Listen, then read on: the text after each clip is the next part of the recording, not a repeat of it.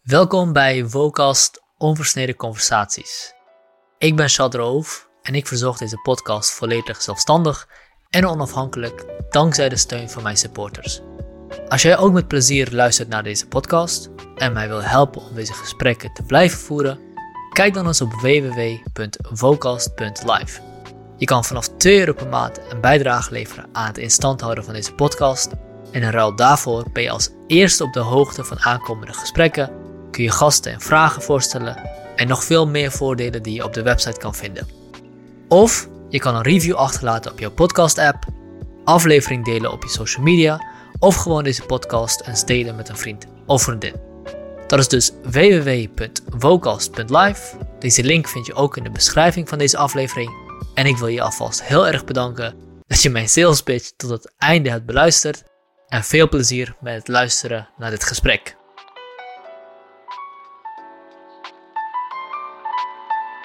Welkom Mark bij Vocast.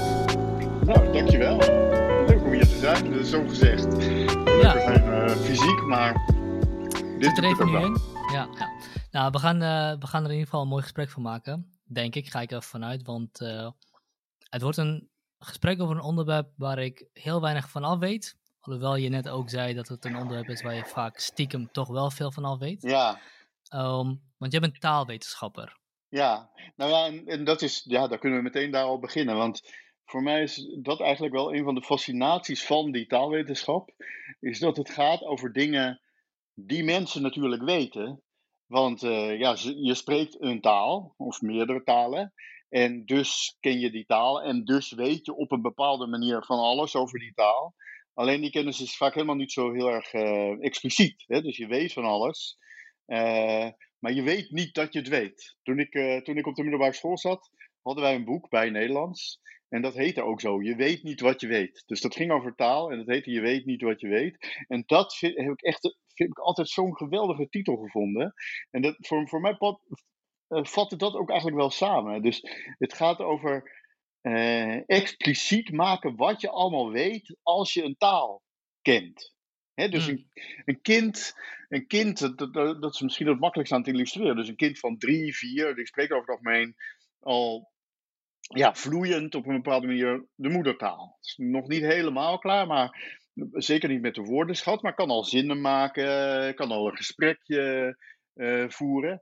En zo'n kind heeft dat dus in drie jaar tijd geleerd, wat niks is. Ik bedoel, ik weet niet wat ik de afgelopen drie jaar heb geleerd. Niks, volgens mij. Eh, maar zo'n kind die leert dus in razend tempo leert iets, iets wat dus eigenlijk als je erover na gaat denken verschrikkelijk complex is. Dus die Mhm. leert om gewoon alleen al om te beginnen woorden. Hè? Dus hoe leer je dat? En hoe weet, hoe weet je dat? Hè? Dus Ja, heb je wel eens een moment gehad waarin je realiseert dat je, waarin je, waarin je een woord hoort, maar niet de betekenis van het woord hoort, maar de klanken van het woord? En hoe raar dat is? ja, ja, Dus als, je- dus als je een woord, kat zei inderdaad, als je dat, dat blijft herhalen, kat, Ja. kat, kat, begint het een heel raar iets te worden zodra je de klanken hoort en niet de Ja. betekenis of waar het naar verwijst. ja heel, dat is een heel interessant effect. Ja. Wat je inderdaad dus kunt, eh, bij jezelf kunt oproepen door een woord heel veel te herhalen. Ja. Maar dan zelfs dus voor je dat effect hebt. Ja, maar kinderen moeten dat dus min of meer hebben. En dus Ja. om te beginnen moet je, moet je zo'n woord dan eigenlijk isoleren. Hè? Dus je moet, eh, want mensen praten over het algemeen niet in losse woorden, maar in zinnen. En zoals ik nu praat, dan, ja, ik plak al mijn woorden aan elkaar vast. Ik doe geen pauzes tussen de woorden. Hè? Dat is precies wat ook moeilijk is als je een vreemde taal leert. Mm. Dus eh, dan moet je naar een vreemde taal luisteren en denk je, wat, hoe hak ik dat nou op in woorden? Een kind Mhm. doet dat dus op de een of andere manier. En dan vervolgens, ja, zelfs bij iets wat, waarvan je denkt dat is betrekkelijk concreet, zoals een kat. Ja, hoe weet een kind wat je daar nou precies mee bedoelt? Want ja, je wijst op een, laten we zeggen, de, de ouders wijzen op een bepaalde kat. Laten we het zo concreet mogelijk maken. Mhm. Maar hoe weet dat kind dan dat het gaat over, niet gaat over deze specifieke kat? Of Ja. ook niet over een wit dier of zo, of een witte vlek, of over haar. Of, maar dat het gaat over kat. En dat zijn dan alleen maar de woorden. Dan moet je dan ook nog leren om uit te spreken. Je moet de, de, de honderden spiertjes die je hier allemaal hebt eh, gaan leren beheersen. Je moet grammatica. En dat allemaal doe je binnen een paar jaar. En moeiteloos. En dus binnen die paar jaar heb je dus als kind gigantische kennis opgebouwd. en ja, dus de, ik denk de taak van de taalwetenschapper is na te denken over wat is die kennis? Wat weet je dan eigenlijk allemaal precies? Mm En ja, hoe kom je daarbij? En waarom zitten talen zo in elkaar zoals ze in elkaar zitten? Ja, dus het is duidelijk, het is, het is duidelijk dat je echt gefascineerd bent door, door taal en taalacquisitie. Waar, mm waar is dat vandaan gekomen? Um, oh, waar komt dat vandaan? Ja, de, ik, ik, ik, ik, ik weet het niet. Het is, opre het is gewoon altijd zo geweest. Dus uh, ik. Uh, zo, dus ik, ik heb altijd ook vreemde talen. Ook altijd als we dan met vakantie ergens naartoe gingen, dan wilde ik altijd de taal daar uh, leren. Hoe bizar die taal ook was, mm -hmm. die ze dan ter, ter plekke spraken. En ik, dus ik, kijk, het is meer zo. Ik vraag eigenlijk, ik, ik, kan maar, ik begrijp eigenlijk niet waarom andere mensen dat niet ook hebben. dus het is meer, het is, het is zo, dat lijkt mij, ja, het lijkt mij gewoon, het is gewoon het interessantste wat er is. Dus waarom is niet iedereen daar dan in geïnteresseerd? Het is zo, dus het is zo, het is aan de ene kant alledaags en tegelijkertijd zo wonderlijk. Ook dus al die variatie, nou ook, ook weer al die variatie die er is. Dat er zoveel verschillende talen uh, zijn op de wereld. En, en wat, deed, wat gebeurde dan als je vroeger op vakantie was en je hoorde een vreemde taal? ja, maar, nee, uh, wat gebeurde er dan? Um, uh, ja, nou ja, dus die ja, vreemde talen, dat is toch, ja, dat je, meteen ga, begin je, dus kijk, wij gingen meestal met vakantie, zoals trouwens veel Nederlanders wat, wat, wat, Misschien even als, als contrast, als ik een vreemde taal, taal hoor, denk ik, wat? dat, dat, is, dat is hoe ver ik kom. Van wat? Verwarring en onbegrip. Maar blijkbaar is het bij jou iets anders wat er gebeurt. Of gebeurt. Ja, nou ja, kijk, er zijn 7000 talen ongeveer op de wereld, wordt er gezegd. Het is een beetje moeilijk te schatten, maar dat is uh, de schatting die het meest wordt gebruikt. En uh, ja, ik geloof dat. ik, ben, uh, ik ben geen super. Ik ben niet een super polyglot of zo. Er, er zijn mensen die spreken 40 verschillende talen. Nou, dat, daar hoor ik echt niet bij. Uh, dus de, maar ook de mensen die 40 talen spreken, die spreken dus 6960 talen niet. dus dus je, spreekt, je spreekt eigenlijk nooit genoeg talen. Dat is, uh, dat is een soort, dat is een soort ondenkbaar dat je genoeg talen spreekt. Maar, um, dat is een uh, soort van levensregel waaraan je, waar je leeft. Ja, ja dus, altijd, dus het is, dat is een deel van de menselijke conditie, is dat je de meeste talen van de wereld nooit zult begrijpen. Dat, is, eh, dat is zo. Maar, um, ja, ik, dus ik, ik wil dat eigenlijk wel. Dus dat, ik denk dat dat, is, als het antwoord op je vraag is, wat gebeurt er dan als je zo'n taal hoort? Dus ik wil dat, ik wil dat eigenlijk wel, ik wil dat gewoon wel kunnen ja, ja, spreken. Ja. ik, wil dat, he, ik wil dat hebben, ja. Ik wil dat, ik wil dat ook hebben ja. en, en, waarom? Eh, is het dan omdat je dan die mensen begrijpt? Of omdat je dan. Uh, of is het een soort van badge die je, die je op kan plakken? Of, ik, heb. Daar nog nooit, ik heb er nog nooit over nagedacht. Dus het wordt een soort psychologiseren, denk ik. uh, waarom wil ik dat? Ja, ik, ik, ik weet het niet. Ik ben. ja, ja, kijk, dus ja, het is, het is volgens mij het is een soort heel. Eh, dus ik, ik heb het ik, kijk, er komen allerlei gedachten in mijn hoofd, maar ik denk dat het allemaal soort rationalisaties zijn. En misschien die het ook zelfs mooier maken dan het is. Dus, maar uh, dus ik denk wel, op de een of andere manier kun je toch wel zeggen, ik ben, ik ben, ik vind het. Dus ik begon eigenlijk al zo te zeggen. Hè, dus wat vind ik interessant aan taal is, eigenlijk is het, je leert daardoor mensen begrijpen. Dus het is, de, de mens bestaat eigenlijk niet zonder taal. Dat, mhm. Dus zonder taal zouden wij niks zijn. Dat zouden wij, we zijn een soort heel armzalig soort apen. Maar we hebben de hele wereld bezet. Uh, of, dat nou, of je dat nou leuk vindt of niet, maar dat is dus gebeurd. En dat, daar, dat hebben we ergens aan te danken. Dat hebben we te danken, of te wijten dus, aan de taal. Hmm. Maar dus dat gaat ook voor individuele talen. Dus ik vind gewoon, ja, alle verschillende manieren van mens zijn vind ik uiteindelijk heel interessant. Hmm. Alleen, ik moet daarbij zeggen, dat uitzicht dus bij mij dus minder in dat ik dan uh, soms, zoveel mogelijk verschillende volksdansen wil leren of zo.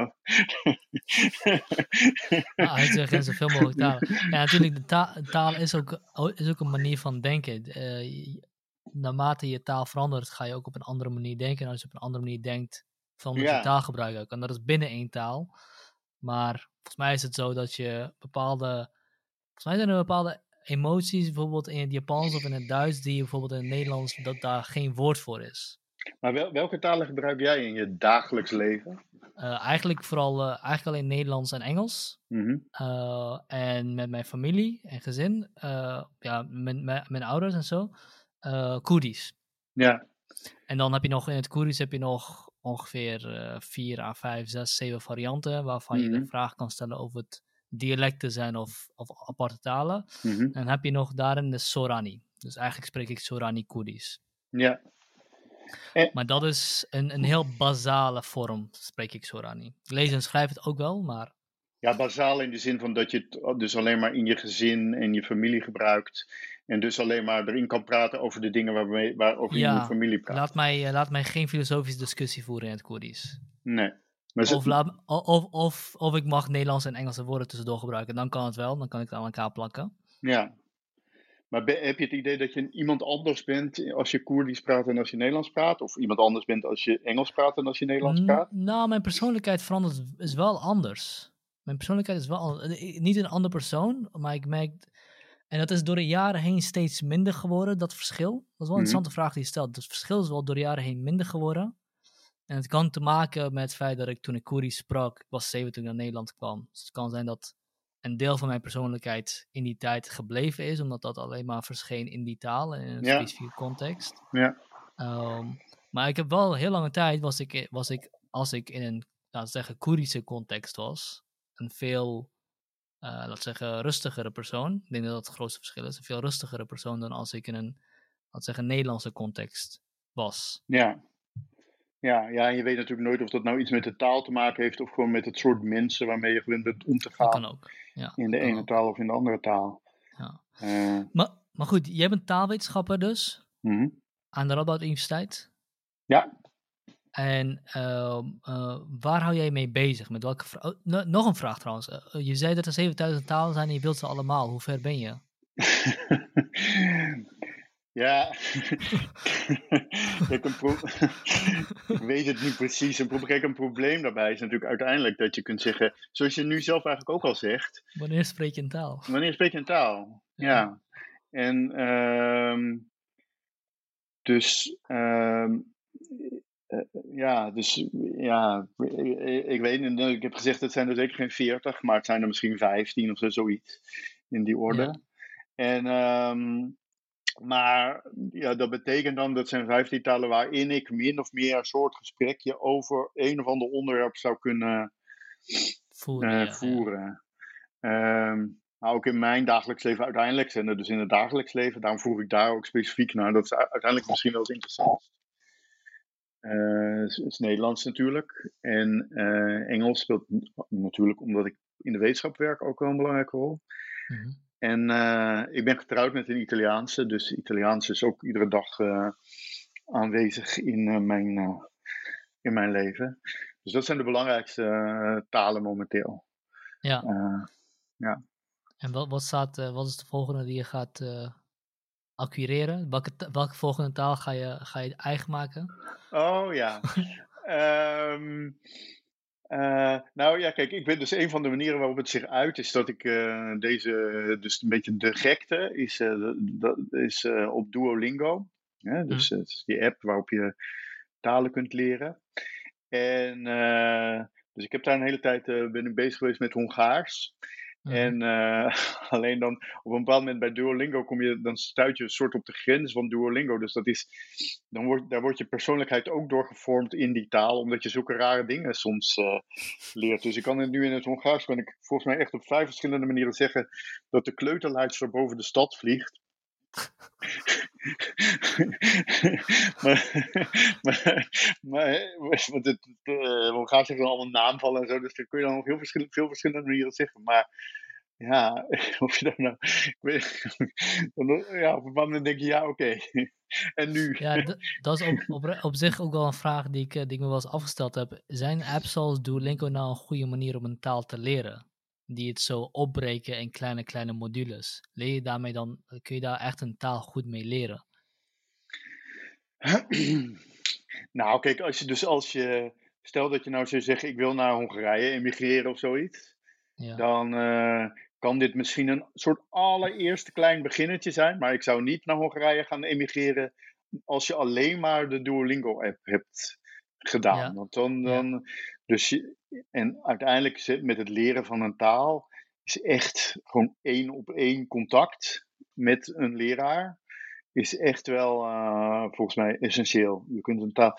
En, en uiteindelijk onderdompelen, hè, zoals dat heet. Gewoon ergens uh, terechtkomen. Mm. En dan zorgen dat je alleen maar die taal uh, spreekt. Dat is volgens mij de enige echte methode om een, om een taal helemaal te leren. Ja, ja. Maar ja. Er komt de vraag een beetje op eigenlijk, want eh, daar dacht ik ook al aan het begin, wat je, aan, aan, je begin aan, je, aan je opening, omdat je daarin zei dat kinderen in een tijdspanne van twee, drie jaar enorm veel kennis over, opdoen over hoe ze een taal leren. En bij mij rees, rees eigenlijk de vraag en nu ook weer, doen ze kennis op of bouwen ze een vaardigheid op? Ja, dat is een hele goede vraag. Dat is een hele goede vraag. Um, ja, en eh, dat is een hele goede vraag, want je, bent filosoof. En het is, dat is natuurlijk eigenlijk bijna een filosofische vraag. Hè? Dus wat is dan het verschil tussen kennis en wat is het verschil tussen kennis en vaardigheden? Hè? Dus als je een vaardigheid hebt, ja, dat kun je op een, een, een of andere manier ook beschrijven als kennis. Namelijk, je weet hoe iets te, hoe iets te, mm. hoe iets te doen. En uh, maar ik denk dat je voor een groot deel kun je zeggen dat de, de stalen kennis is een vaardigheid. En een probleem uh, met, met veel vormen van taal leren is misschien wel dat het te veel gericht is op die kennisvormen. Uh, mm. Dus vooral de traditionele vormen van talen leren met een grammatica boek.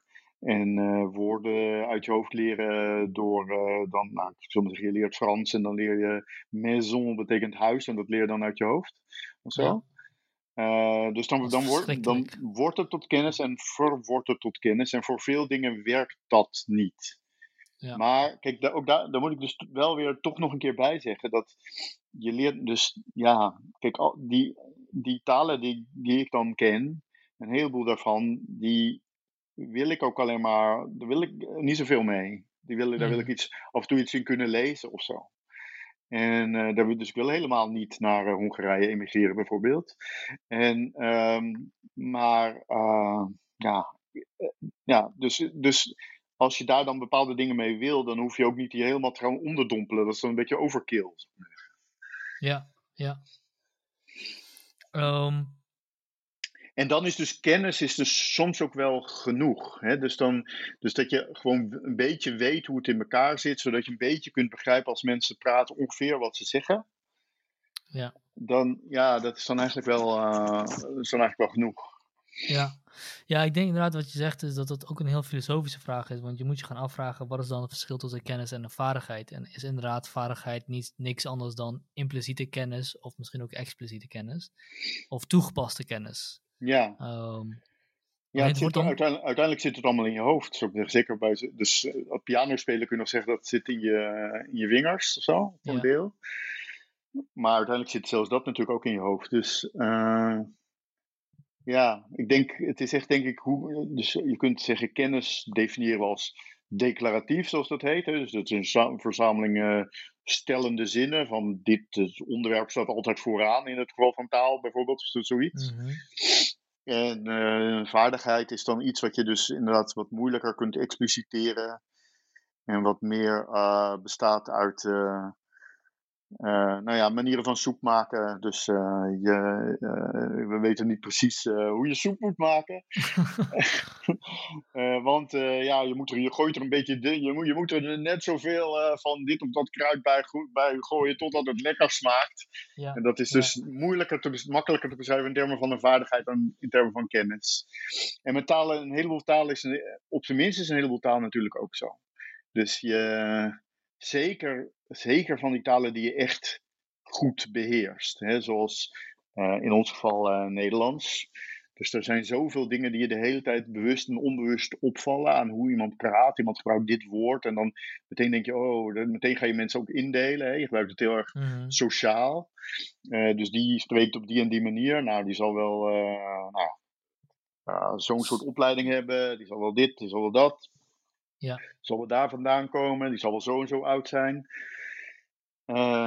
ja, dat, en dat valt nauwelijks vaak precies te definiëren waar je dat dan aan hoort allemaal. Ja, ja.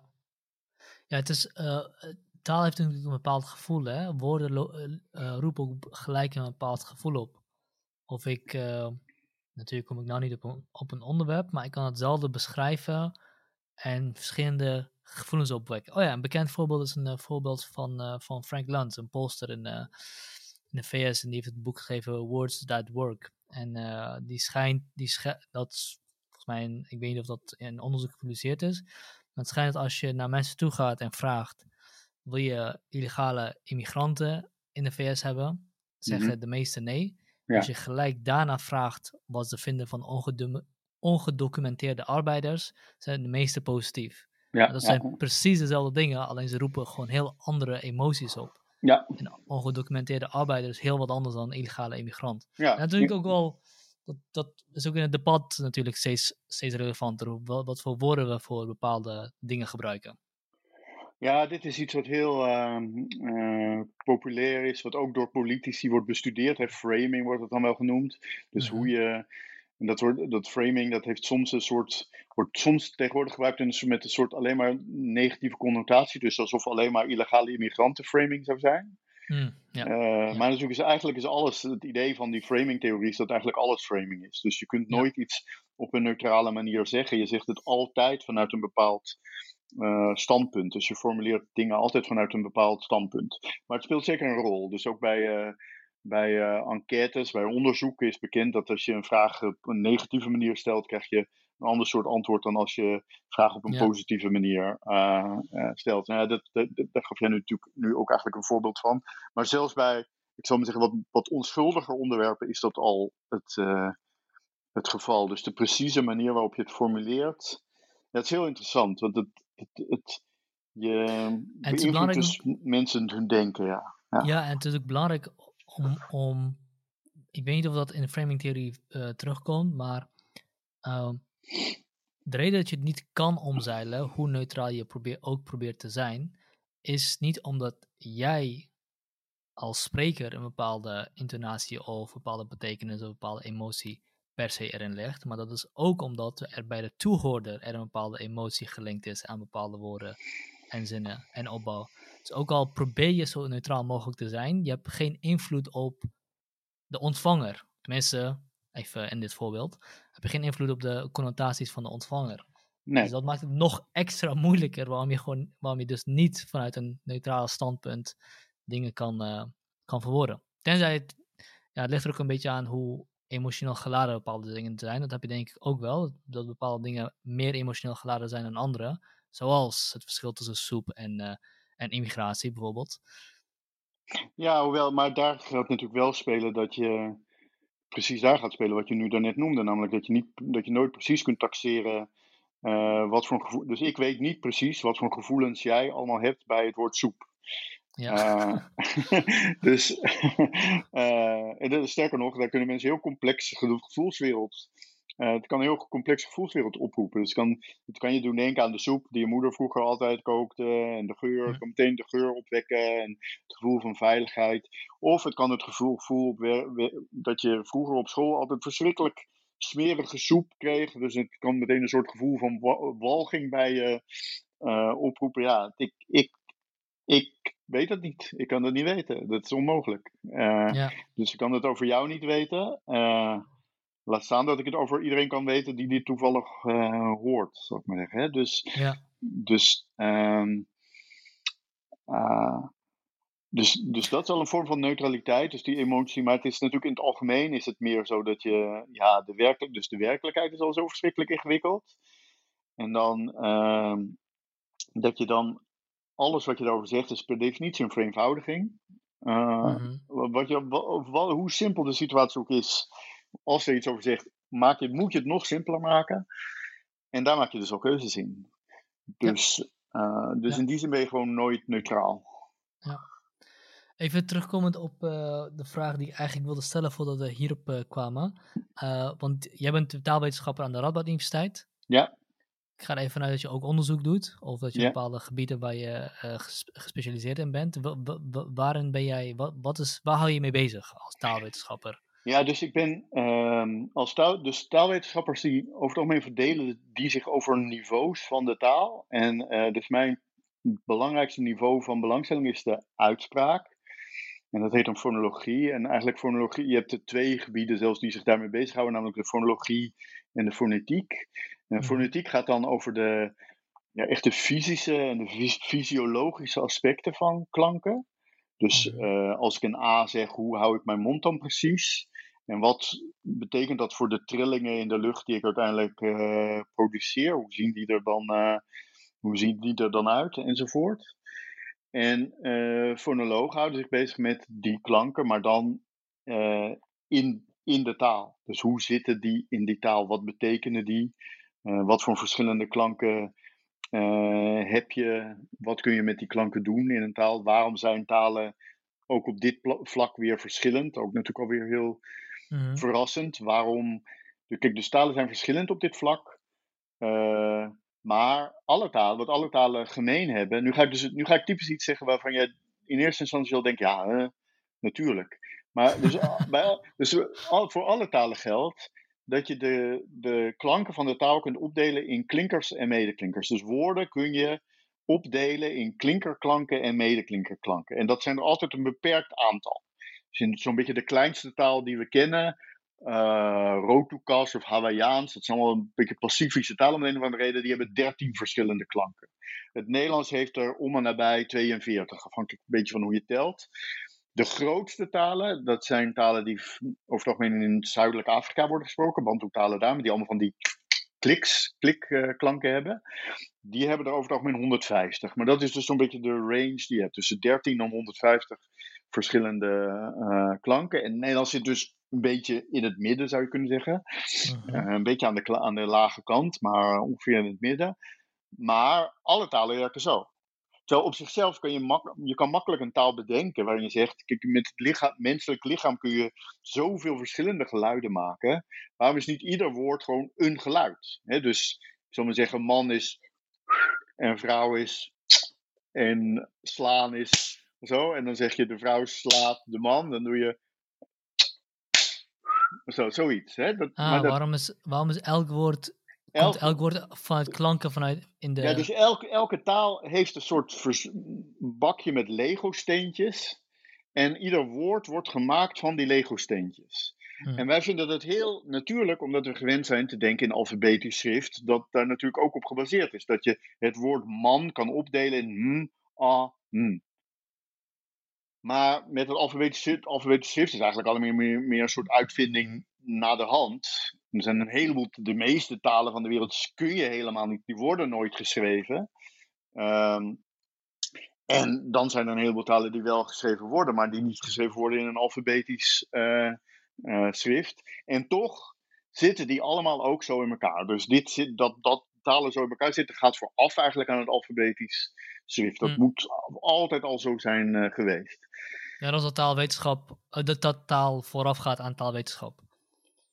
Ja, nee, zeker. Ja, nee, Dus je kunt zeggen, kijk, dat de, de uitvinder van het alfabetisch schrift, dat was, het alfabetisch schrift is dus een, is een soort geniale techniek uh, om uh, klanken om te zetten, klanken van woorden om te zetten in iets wat je kunt zien, iets visueels. Het was natuurlijk ook niet één individu, dat heeft een soort ontwikkeling gehad in de loop van de tijd. Maar het is in ieder geval een briljant soort uh, uitvinding. Maar de taal gaat daar ver aan vooraf, ja. Zoals ook. Uh, ja, en, nee, de taal, taalwetenschap komt natuurlijk na de taal. Ja, ja. En, wat, ja, en wat vertelt ons dat? Dat, dat alle talen op die manier in elkaar zitten? Nou, dit is een van de dingen die, die ons dat. Dus het vertelt. Dus dit soort. Op, de, op deze manier nadenken over taal. En uh, dit is maar het allereerste begin. Hè? Dus ik. Uh, we weten veel meer over hoe de klankstructuren van talen in elkaar zitten dan, uh, dan dit. En we weten ook veel meer over wat talen daarin gemeenschappelijk hebben. En dan ook over de hele wereld gemeenschappelijk hebben. En dat vertelt ons dus iets over. Ja, eerst over hoe taal in onze hersenen zit. Ondanks al die verschrikkelijk grote variatie die er is. Ook in uitspraak en zo. Zijn sommige dingen constant. Ja, wij denken dat het ons uiteindelijk iets vertelt over hoe je geest in elkaar zit. Dus dat het daar vandaan komt. Um, om, om iets te noemen, dit. Um, dus één verschil in het Nederlands en in een heleboel talen hebben we een verschil tussen een B en een P. Dus tussen be en pe, of tussen de en te. Maar laten we nemen be en pe. Die be en pe die lijken verschrikkelijk veel op elkaar eigenlijk. Dus een be maak je maakt ze allebei met je lippen op elkaar. Dan laat je de lucht laat je naar buiten stromen. Maar die, omdat je lippen op elkaar zitten, kan die even niet naar buiten. Dus hoopt zich op in je lucht, in je mond. Dan doe je je lippen van elkaar en dan maak je een kleine explosie. Dat is wat een pe is.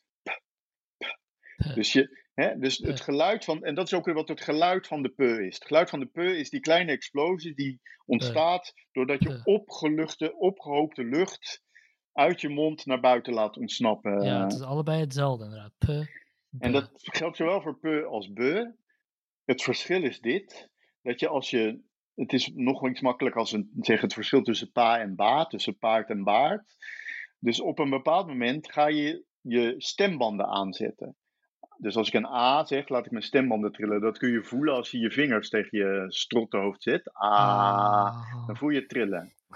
Ja, nou, als je, ah, ja nou, Ah, ja, ja, ik voel hem. Ja, ja, ja. ja, ja, als, je, als je niet voelt trillen, is dat alleen maar omdat je, je ademsappel te ver onder je baard verborgen zit of zo. Maar je, je, vrouwen, vrouwen kunnen het iets moeilijker voelen dan mannen, maar, ah. maar het, het is. Dit, dit, als dit niet waar blijkt te zijn, dan ga ik het anders doen. Uh, maar, dus dat moet op een bepaald moment zet je je stemband aan. Maar er zijn, dus nu zijn er twee. Uh, dus voor, zowel voor p als be, of in ieder geval voor pa als ba, geldt dat je twee dingen moet doen. Je moet dus die explosie maken en je moet je stembanden aanzetten. Maar twee dingen doen, dat kun je op twee dingen doen, kun je op drie manieren coördineren. Je kunt A doen voor B, je kunt B doen voor A, of je kunt A en B tegelijkertijd doen. Dat zijn de drie manieren waarop je eh, twee acties kunt coördineren. Nou, voor het Nederlands geldt dat pa, als je pa zegt, dan doe je die twee dingen ongeveer tegelijkertijd. Dus je op het moment dat je je lippen uit elkaar doet, op dat moment, min of meer op dat moment, zet je je stembanden aan. Pa. Als ik ba zeg, dan zet ik eerst mijn stembanden aan en daarna maak ik de explosie. Dus ik, als ik het heel vertraagd doe, dan zeg ik ongeveer ba. Ba. Ba. Ba. Ba.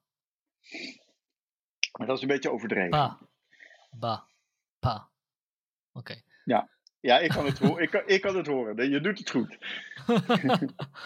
De derde mogelijkheid is eerst de explosie en dan je stembanden aanzetten na een tijdje. Nou, het is een kwestie van milliseconden, maar toch.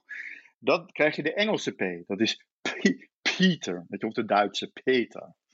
Dus ah, ja. Ja. Oké, dat is één ding. Dus we hebben nu, dus nu, dus dit is een P en een B, dat, zijn, dus, dat, dat is dit subtiele verschil. Maar het is dus, zoals ik zei, het is een verschil van milliseconden. Als het een verschil is van milliseconden, dan betekent dat dat het. Ja, eigenlijk is het een continuum natuurlijk. Hè? Dus het is, je kunt uh, eh, 0 en dan 0.01 milliseconden, 0.0011, nou ja, enzovoort. Je kunt, je, het is gewoon een eindeloze schaal. En dat kun je ook makkelijk, uh, je kunt makkelijk een experiment doen met de computer, waar je mensen waar, waar, je dat geluid manipuleert. Dus waar je die twee gebeurtenissen dichter bij elkaar brengt of verder of meer ruimte ertussen uh, schept hè, in, de, in het geluidssignaal. En daar kun je mensen naar laten luisteren. Dus dan laat je ze luisteren eerst naar een soort extreme P en dan naar een soort extreme, heel goed gelukte B.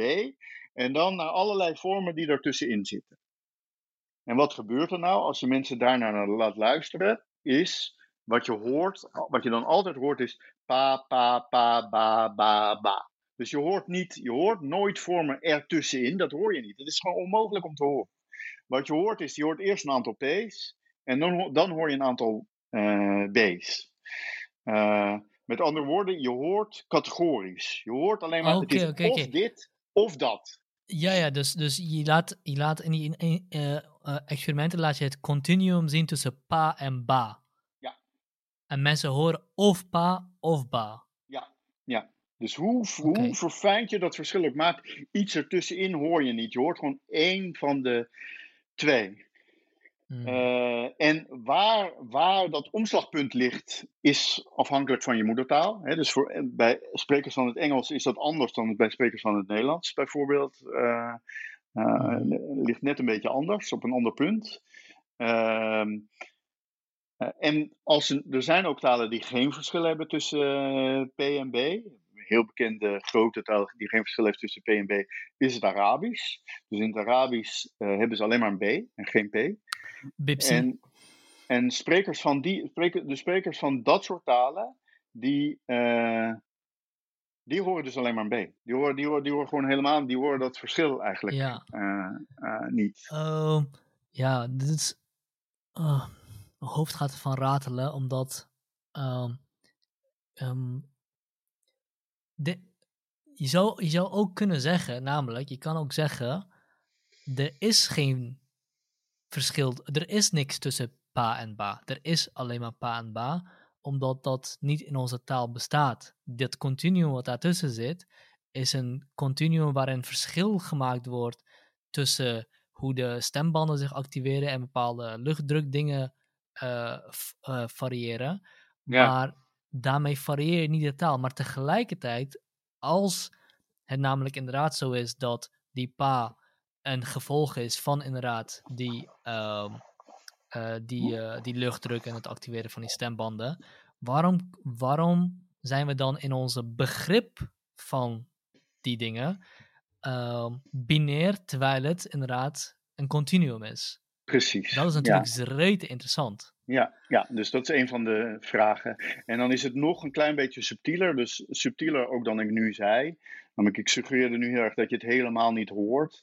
Maar tegelijkertijd zijn dit soort verschillen natuurlijk wel degelijk aanwijzingjes die je op een bepaalde manier oppikt. Alleen niet voor de taal, maar wel voor het horen van een accent. Dus als iemand met een Duits of een Engels accent praat, dan is een van de dingen die je waarschijnlijk oppikt dat zo iemand consequent meer p zegt dan p.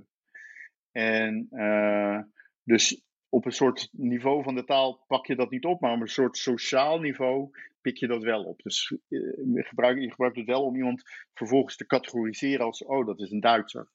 Mm.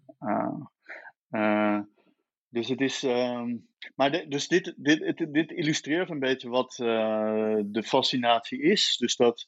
Ehm, uh, inderdaad, dus eh, ik zou zeggen, in de natuurkundige werkelijkheid is er alleen maar een continuum.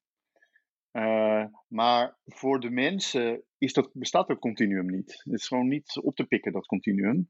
En dus in de taal, wat de taal die dus op de een of andere manier een soort spiegel is van hoe wij denken, bestaat er alleen maar plus of min, P of P.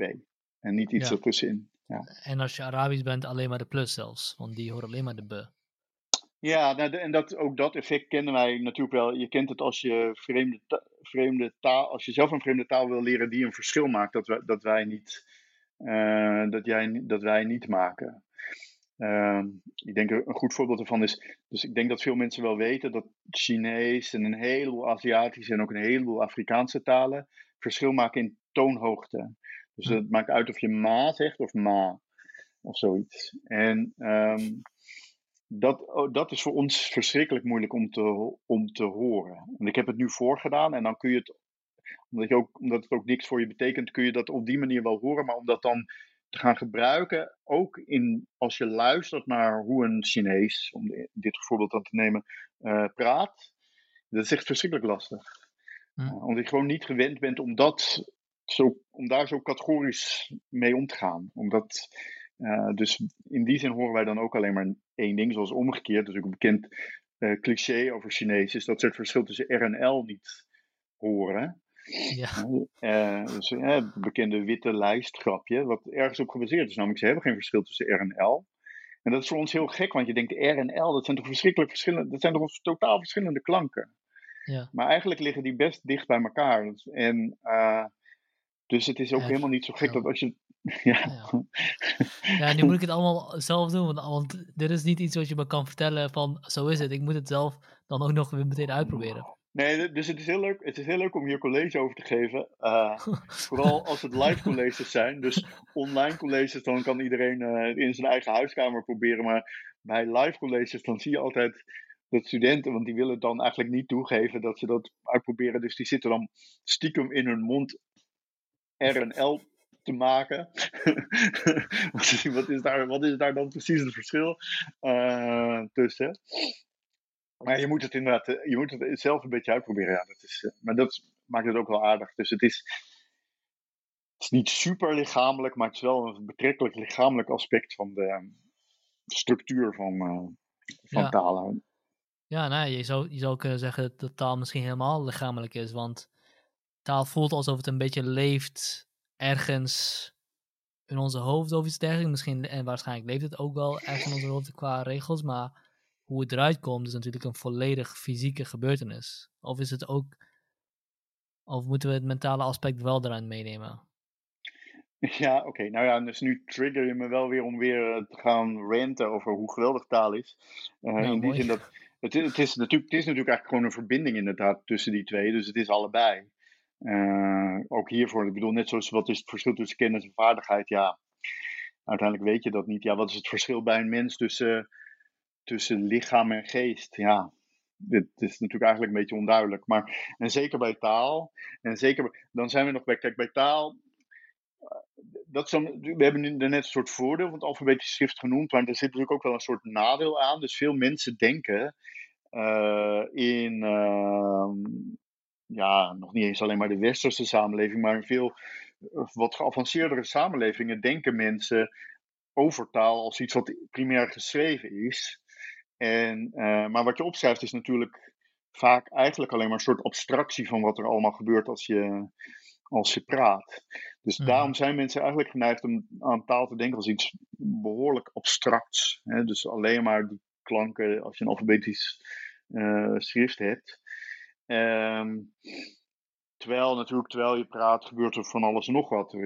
Ik beweeg nu met mijn handen. eh, het, eh, met mijn stem doe ik heel veel verschillende dingen die niet meteen op papier zouden komen als je ze Mm. zou opschrijven, maar die wel ja, dingen betekenen op een bepaalde manier. Dus ik zei daarnet al, dingen betekenen over mij. Ze geven informatie over mij als persoon.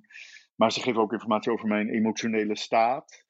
En eh, ze geven informatie over waar ik ben met mijn verhaal. Dus wanneer jij, ik vind dat jij weer mag inbreken in mijn eh, verhaal, dat manipuleer ik heel subtiel. Hè, met mijn, dus dus als, ik, als ik met mijn stem nu naar beneden ga, als ik met mijn stem naar beneden ga en ik ben uiteindelijk helemaal beneden, dan is het duidelijk voor jou dat jij dan iets kunt zeggen.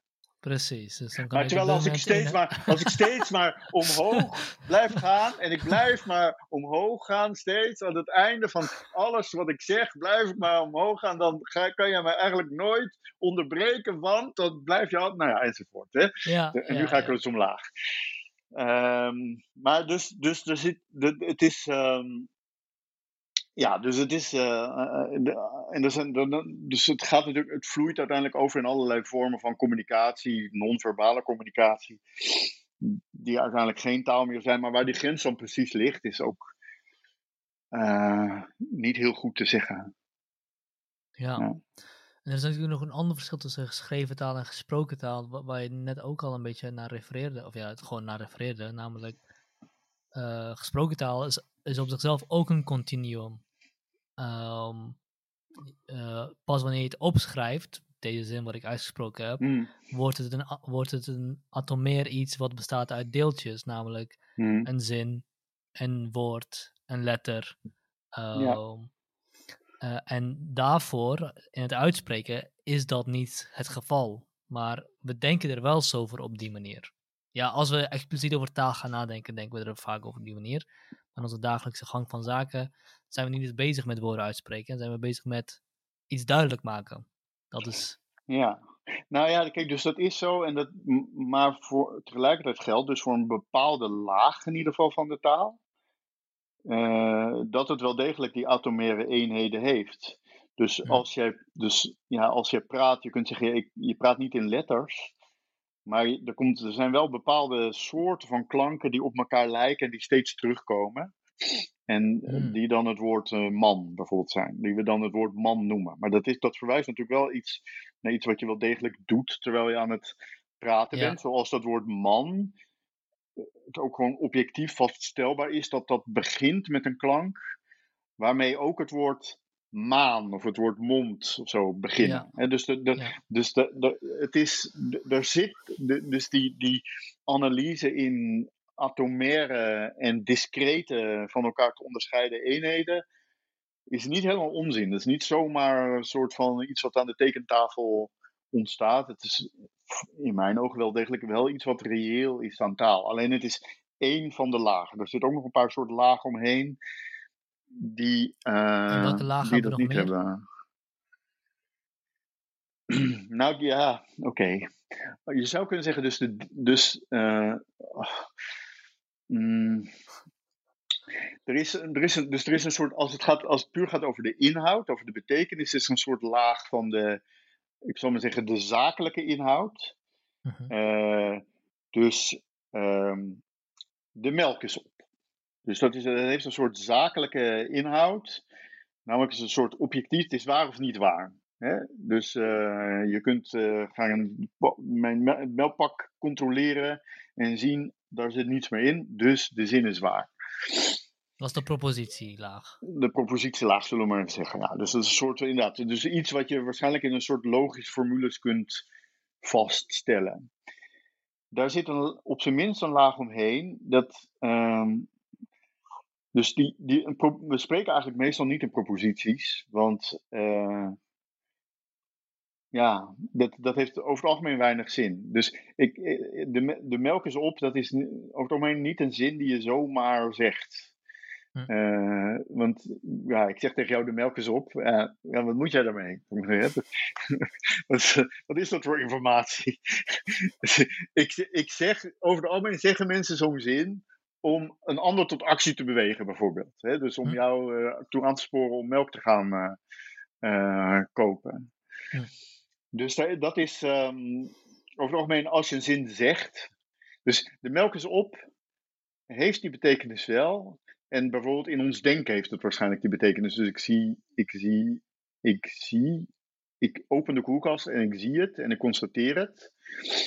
En of ik dat nou wel of niet in taal helemaal me bewust maak in taal en de woorden erbij zoek. Maar in ieder geval, dat is een soort gedachte die ik heb. Waardoor ik dan vervolgens kan gaan denken, oh dat moet ik tegen Chat zeggen. Zodat hij melk kan gaan kopen, zou ik maar zeggen. Maar dat is dus, als zodra ik een zin zeg, ja, dat impliceert bijna altijd dat er een publiek is. En dat betekent dat ik iets wil met dat publiek.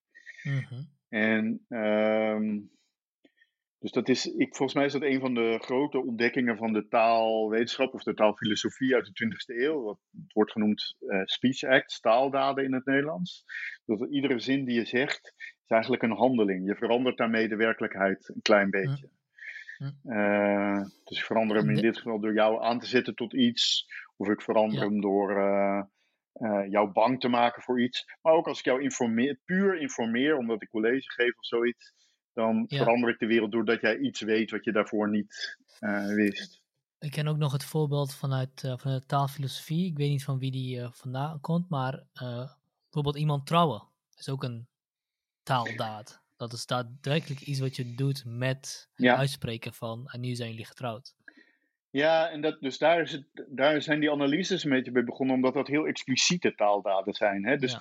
als je zegt, ik, hier, ik verklaar u hierbij man of vrouw, dat is nog niet eens, die zin is nog niet anders dan de melk is op. Die zin is nog niet eens waar of niet waar. Dus je kan niet, iemand zegt, ik, hierbij verklaar ik u man of vrouw, kun je niet zeggen, dat is niet waar. Dat is gewoon, dat is geen, daar kun je, op die manier kun je daar niet op reageren. Hè? Dus, dus, dus ik, ik, beloof, ik, beloof jou, ik beloof jou dat ik, dat ik melk ga kopen. Ja, dan, je kunt zeggen dat is niet waar, maar zelfs dat betekent dan ook weer iets anders. Dus het is niet.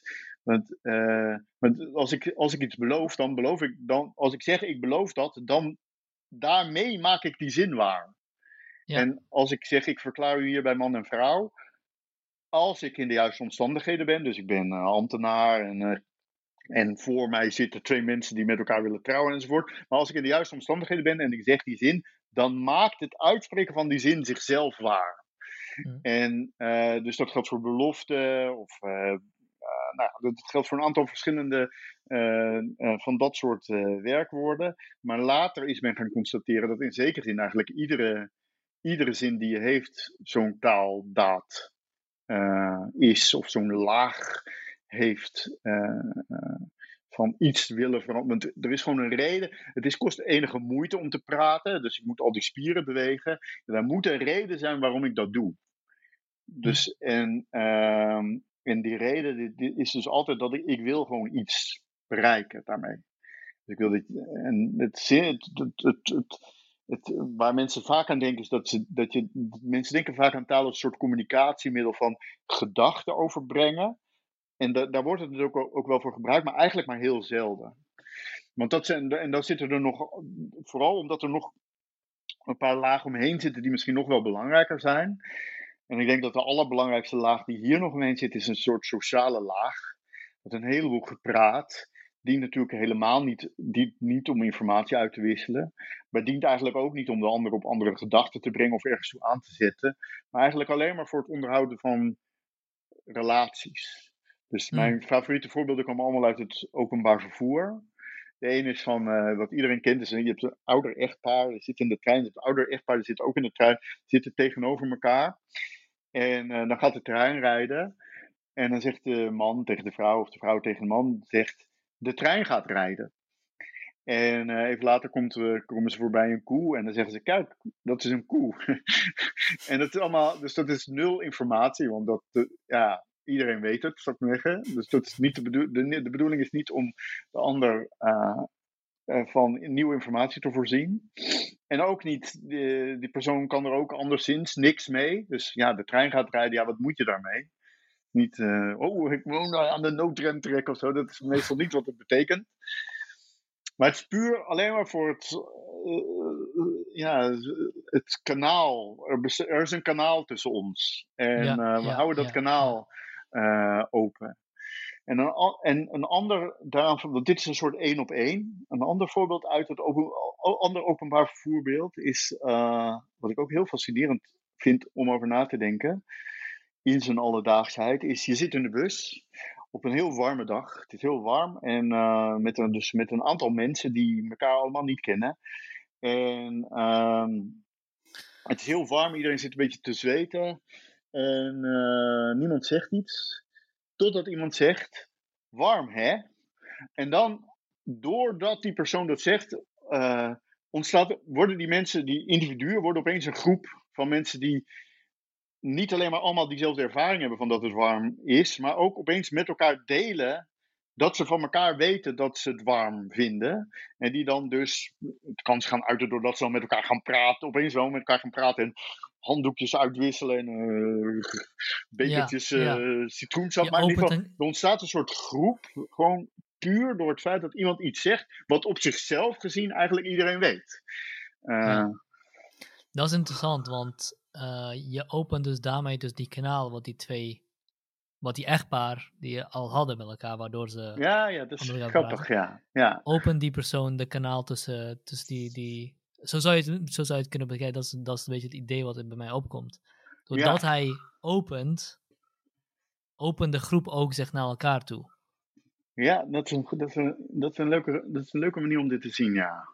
Ja, ja in dat kanaal, en de, dus in dat kanaal zitten dus eigenlijk alleen maar, zitten alleen maar gedeelde ervaringen. En die, die, zijn, die zijn al gedeeld in allebei de gevallen. Uh, dus je hoeft ze eigenlijk helemaal niet expliciet te maken, maar dat expliciet maken voegt toch iets Voegt toch iets toe, toe inderdaad. Um, uh, ja, en die, dat, wat dat toevoegt is dus iets sociaals, wat ja, heel erg te maken heeft met uiteindelijk wat wij mensen zijn, denk ik. Namelijk ja, Waar ik een beetje aan moet denken is nu. Um, dus, dus, dus wij, wij verschijnen als mensen heel vaak in, uh, in, in zulke uh, situaties, in, in, groepen, of in, in, bus, in een bus bijvoorbeeld inderdaad. En dan zijn we allemaal individuen, we praten niet met elkaar. Maar we hebben wel dezelfde ervaring. En pas als we met taal openen, kunnen we, worden, we, worden we een soort van groep in zo'n situatie. Dieren in die situaties hebben dat niet. Die hebben geen taal nodig om te openen.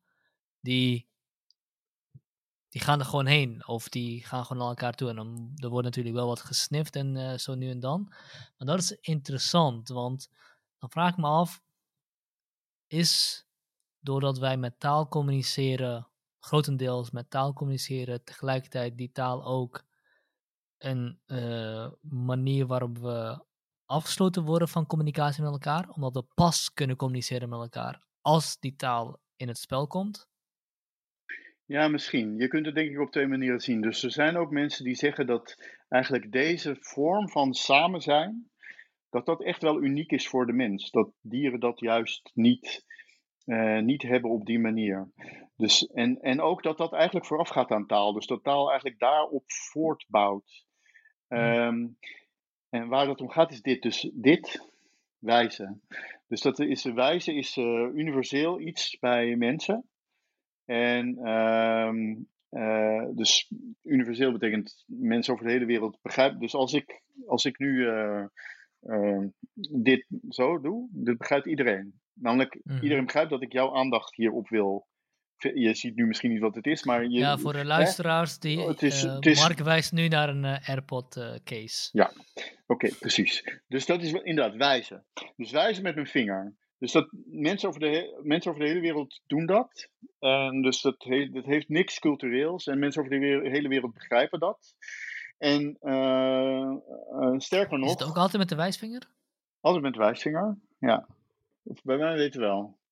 Nou, dat weet ik niet helemaal zeker, maar het zou me eigenlijk verbazen als dat niet zo was. Uh, en ik denk dat het in ieder geval begrepen wordt altijd met de wijsvinger. Uh, sterker nog, als wij, uh, stel dat wij aan tafel zitten en op de tafel staat een lege kan met een lege waterkan. En ik wijs jou op die waterkan, dan begrijp je ook wat ook universeel begrijpen mensen dan ook wat, er, wat ik wil zeggen. Ja, namelijk water. Dat ik water wil. En dat ik wil dat jij die kan gaat vullen. Zo. En dat, begrijp, dat begrijpen mensen gewoon. Apen begrijpen dat niet. Uh, dus apen, uh, bij huisdieren weet iedereen dat. Hè? Dus als je, als je poes, je moet, als je een poes met je vinger iets gaat aanwijzen, dan gaat die poes aan je vinger ruiken. Die poes gaat niet kijken waar naar die vinger wijst. Je gaat aan die vinger ruiken. Maar zelfs apen, mensapen, die schijnen dat eigenlijk niet te begrijpen. Dus als je met je vinger wijst, dat begrijpt een aap niet. En wat een aap ook niet begrijpt, is dat je. Dus als ze experimenten doen met kleine kinderen van een jaar of vier, vijf oud. Uh, je gaat samen bijvoorbeeld op zoek naar eten in een ruimte. Dus er is eten verstopt, uh, snoepjes zijn er verstopt. Je gaat samen zoeken. En als de volwassene dan naar een kind, bij een kind van vier, de volwassene wijst naar een bepaalde pot die daar staat, dan begrijpt een kind van vier dat de bedoeling is dat hij in die pot gaat kijken. En dat gaat dat kind van vier ook doen. Een chimpansee of een gorilla, die begrijpen dat niet. Dit hele concept van, dat zeggen deze, deze groep geleerden, die zeggen dat hele concept van samenwerken, shared attention heet dat. Uh, uh, dus samen, samen met iets bezig zijn, en dat ieder vanuit een eigen rol, dat hebben dieren eigenlijk niet, zeggen zij. Apen, chimpansees, gaan wel samen op jacht. Dieren kunnen wel samen gaan jagen op een bepaald dier. Maar eigenlijk doen ze dan allemaal hetzelfde. Namelijk allemaal achter dat dier aan rennen. Dat, de, de prooi aan rennen. En dan degene die het eerste heeft, die heeft het dan. En eventueel kan die het delen, maar nog steeds gaat die dat dan delen. Maar het idee dat mensen hebben van wij gaan samen op deze antilopen jagen. Ik jaag hem op en jij gaat achter het bosje staan. En jij vangt hem op. En dan hebben wij hem daarna samen gevangen. Uh, dat idee, wat dus ook weer mensen over de hele wereld hebben, dat schijnen dieren uh, niet te hebben. En er zijn dus mensen die zeggen dat wij eigenlijk de taal op die basis ontwikkeld hebben. Dat het een soort uitvloeisel is van dat, dat het daar begonnen is. Dat wij misschien met dat wijs, of in ieder geval met dat, dat, samen delen, dat idee van we denken samen aan hetzelfde. En, maar we denken samen aan hetzelfde, maar ieder vanuit zijn eigen perspectief. Hè? Jij vanuit jouw kant en ik vanuit mijn kant. Um, daar is het mee begonnen en alleen op die basis zouden we dan uh, de taal uh, hebben kunnen vormen. Dus het samenwerken gaat vooraf aan de taal? Dat, dat is wat deze mensen eh, zeggen. Ik, ik weet, ik, ik, ja, ik, er zijn wel, denk ik, ik, ik vind het een interessante gedachte. Er zijn wel problemen mee, dus ik vind het wel moeilijk om te begrijpen hoe dat helemaal werkt, hoe dat helemaal uiteindelijk zou moeten werken zonder taal. Maar het is wel duidelijk dat er een, duidelijk, dat er een groot verband is tussen die twee dingen. Het zou natuurlijk een co-evolutie kunnen zijn. Je zou je kunnen afvragen ook, waarom hebben überhaupt taal ontwikkeld? En misschien was dat om het aanwijzen.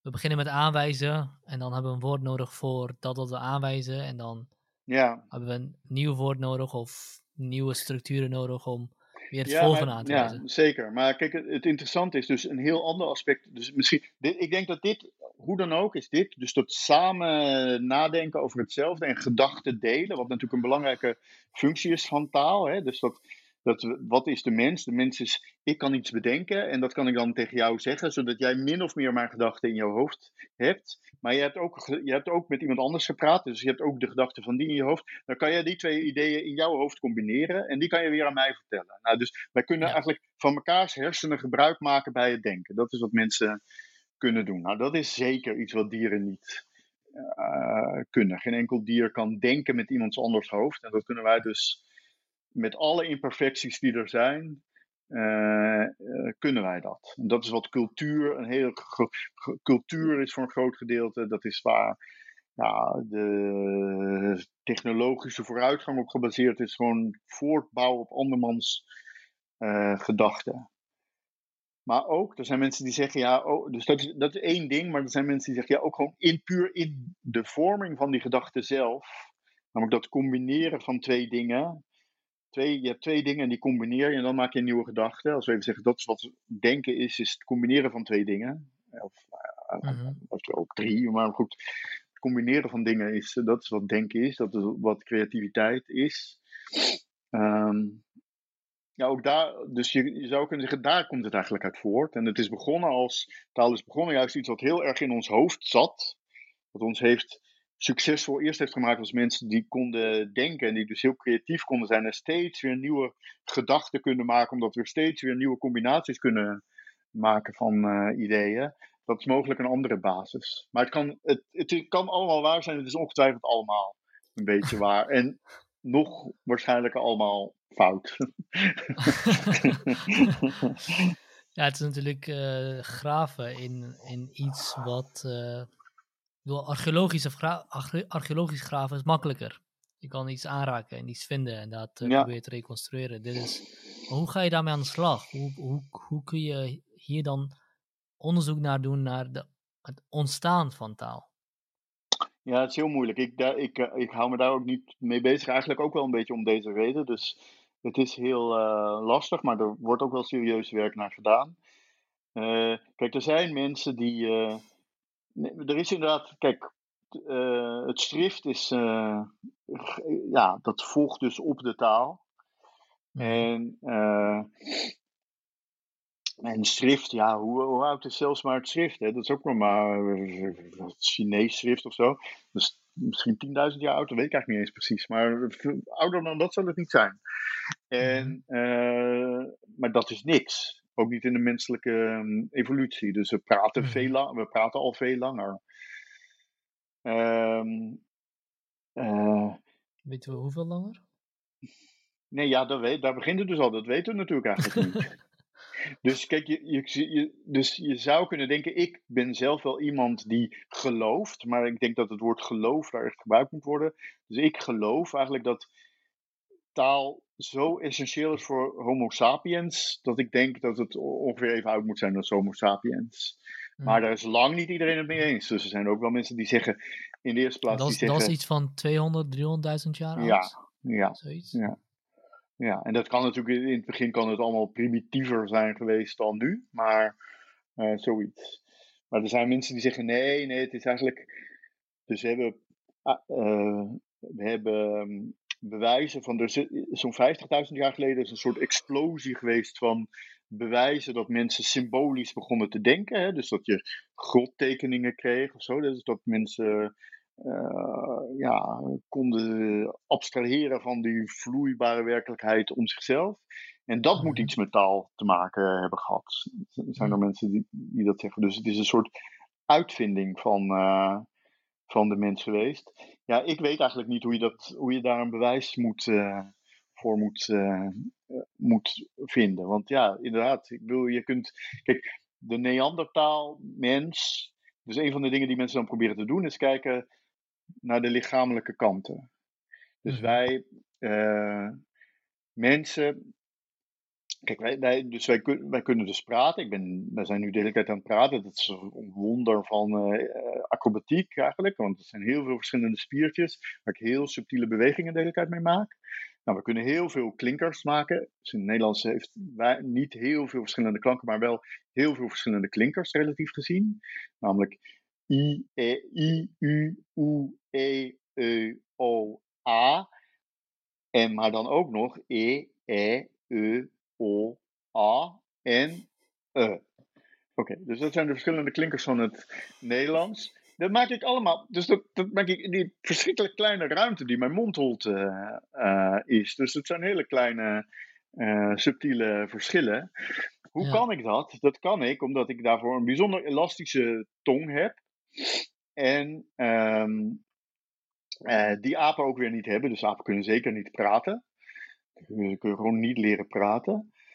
De enige dieren die dat kunnen zijn eh, eh, ja, papegaaien en zo, die, ook, eh, heel, die toevallig ook beschikken over een heel elastisch apparaat hier. Nou, dus je kunt gaan kijken, je kunt een beetje gaan, maar goed, die tong die vergaat eigenlijk ook natuurlijk archeologisch, dus daar hebben we ook niks aan. Maar je kunt iets, iets kijken naar de vorm van het strothoofd. Dus ik weet, ik weet er dus niet heel veel van, maar ik weet wel dat er discussies zijn over Neandertalers. Zou, de, zou je nou met een Neandertaler strottenhoofd, zou je, kunnen, zou je daarmee kunnen praten? En ik geloof dat er wel een soort consensus is dat Neandertalers waarschijnlijk, die dus contact hebben gehad met Homo sapiens, dat die wel een vorm van taal eh, konden gebruiken. Maar meer dan dat is. is, is, het, is ja, het is allemaal speculatie. Ik denk, ik, ik, vermoed, ik ben ook bang dat we dit nooit echt zullen Nee, weten. Nee.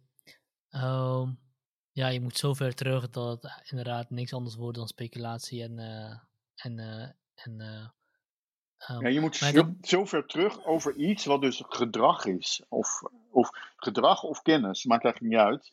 Dus of het nou gedrag is of kennis, dat zijn allebei dingen die verloren gaan. Dus Ja, ze gaan verloren. De expliciete kennis ervan gaat verloren. Maar ze, ze worden natuurlijk wel overgedragen aan volgende generaties. Want daardoor, het feit dat wij nu zo kunnen praten, is natuurlijk een afstammeling van wat 10.000 jaar geleden, eh 20.000 gele- jaar geleden, 30.000 jaar geleden mensen aan het leren waren. Nee, dat weten we. Ja, maar dat weten we. Dat, dus we weten. we- Dus oké, hoe wij ons gedragen, dat komt door eh, hoe onze ouders ons zich gedroegen. Daar, daar heeft het mee te maken. Maar, we, maar dat houdt op. Dus we weten strikt genomen. eh, ja, zeker van voor het schrift weten we, hebben we geen idee natuurlijk. Dus, het kan, of, dus je kan hier echt geen, geen enkele conclusie uit trekken over of mensen nou 50.000 jaar geleden begonnen zijn met praten, of 100.000 jaar geleden, of 10.000 jaar geleden. Dat valt gewoon niet te zeggen volgens mij. Ja, oké, nee, fair, dat, dat, dat, dat, dat, dat begrijp ik. Eh, maar dat er toen bepaalde ontwikkelingen zijn geweest die geleid hebben naar ons, die op deze manier kunnen spreken. Er is natuurlijk wel een ontwikkelingslijn die we. Ja, ja, we nee, hadden alle kennis die, maar omnipotentie hadden we natuurlijk wel door kunnen trekken. Alleen de expliciete kennis erover is verloren. De, de impliciete kennis ero- erover, of Ja, de vaardigheid, ja. laten we even, laten we als vaardigheid noemen, die is wel Tuurlijk. gebleven. Ja, Ja. dus die de, die, dat is namelijk de taal die we gebruiken. Dat is Ja. hoe, hoe wij taal gebruiken. Ja, dat, dat hebben we allemaal nog. Ja, ja. ja. Ehm, dat, is dat is fonologie. Is dat fonologie of, of is er nog meer over fonologie? Eh, want eh, het begon natuurlijk, het begon natuurlijk met dat je uitlegde dat er, dat er verschillende klanken zijn ehm, die in elke taal terugkomen. Of, dat, nee, wat je zei was dat elke taal bestaat uit bepaalde klanken en klinkers en medeklinkers. ja. En dat dat iets zegt over hoe ons geest in elkaar s- zit. Ja. Ja, um, ik probeer even mijn gedachten te ordenen, want er, er, valt nog, natuurlijk nog veel meer over te zeggen. Kijk, in de eerste plaats, ik, mijn specifieke belang. Dus er zijn soort twee specifiekere belangstellingen die ik altijd heb gehad. En de eerste die gaat over variatie, namelijk dat variatie nog subtieler is dan alleen maar dit. Dus namelijk variatie tussen talen. Want binnen iedere, binnen iedere taal, iedere, iedere persoon spreekt eigenlijk anders dan iedere andere persoon. Dus er zijn geen twee mensen die precies hetzelfde Nederlands spreken als iemand anders. Dus niemand die, die precies zo'n Nederlands spreekt als ik. Dat, dat, bestaat niet. En dat geldt voor ieder ander individu ook. En toch kunnen we elkaar begrijpen. En bovendien uh, is er dus een heleboel variatie, maar die is wel aan bepaalde grenzen uh, gebonden. Nou, dit is een beetje abstract. Laat ik een concreet voorbeeld geven uit het Nederlands. Dus in het Nederlands, um, een van de uitspraakeigenaardigheden van het Nederlands is dat je de N na een E niet per se uitspreekt. Dus dat de meeste mensen, ook ik, meestal zeggen lopen in plaats van lopen. Uh, sterker nog, als je iedere slot N zou uitspreken, dan zou dat heel eigenaardig klinken. dat, dat, mm. dat, dat geeft een heel. On, als je nooit zo'n slot N uitspreekt, geeft het ook een vreemd effect. Dat is echt waar. Maar dus je moet het dat is een van de dingen die het heel moeilijk maken om het Nederlands als een soort van accentloos als vreemde taal te leren. Is dat je moet een soort mix kennen, waarvoor ook voor die mix geldt weer dat we die zelfs expliciet niet eens precies weten. Dus ik heb geen formule daarvoor. Maar je, wat het dus het geval is, je moet soms de N zeggen en soms niet. En, um, dus, en dat moet je net precies op de juiste manier doen. En wat ik ook heel fascinerend vind is. En niemand kan je vertellen hoe je dat moet doen. Nee, niemand kan je vertellen hoe je dat moet doen. moet je gewoon doen. Je moet het gewoon goed doen. Het is gewoon de, dus, dus de soep van de taal weer. Hè? Je moet gewoon. Ja, je moet er iets bij gooien. Doe een beetje moet er bij. Gewoon en us bij gooien totdat het, genoeg is. is. Totdat het goed is, ja.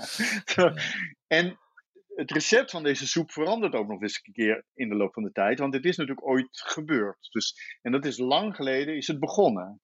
Dus we weten dat in de 17e eeuw zijn er uh, grammatici geweest. Die zeiden, je moet geen enne weglaten, want het is heel lelijk. Dus de mensen zeggen, die zeggen schepen in plaats van schepen, dat is echt heel lelijk. Dus dat is vaak een aanwijzing voor het verleden, we, waardoor we weten dat er dingen gebeuren, is dat mensen dat gaan afkeuren. Want mensen gaan nooit iets afkeuren wat nooit gebeurt. dus wat mensen nooit zeggen, dat ga, dat ga je niet afkeuren. Dus er, er, is nooit iemand die zegt, ja, je moet de P aan het eind van op uitspreken, want iedereen zegt de P aan het eind van op, altijd. Dat gewoon, ja, dus dat is geen advies. Maar dus als mensen gaan zeggen, ja, je moet de N aan het eind van schepen uitspreken, dan betekent dat, dat betekent dat dus eigenlijk mensen zeggen de N aan het eind van schepen niet meer. Ja, en, ja ah, snap hem. Ja. Hè? En dat kun je dan ook zien, want je krijgt dan eh, ook in die tijd, vanuit die tijd zijn er dan ook al, dus dat, dat rond de 17e eeuw eh, ja, werd, uh, de, de, werd Nederland behoorlijk geletterd.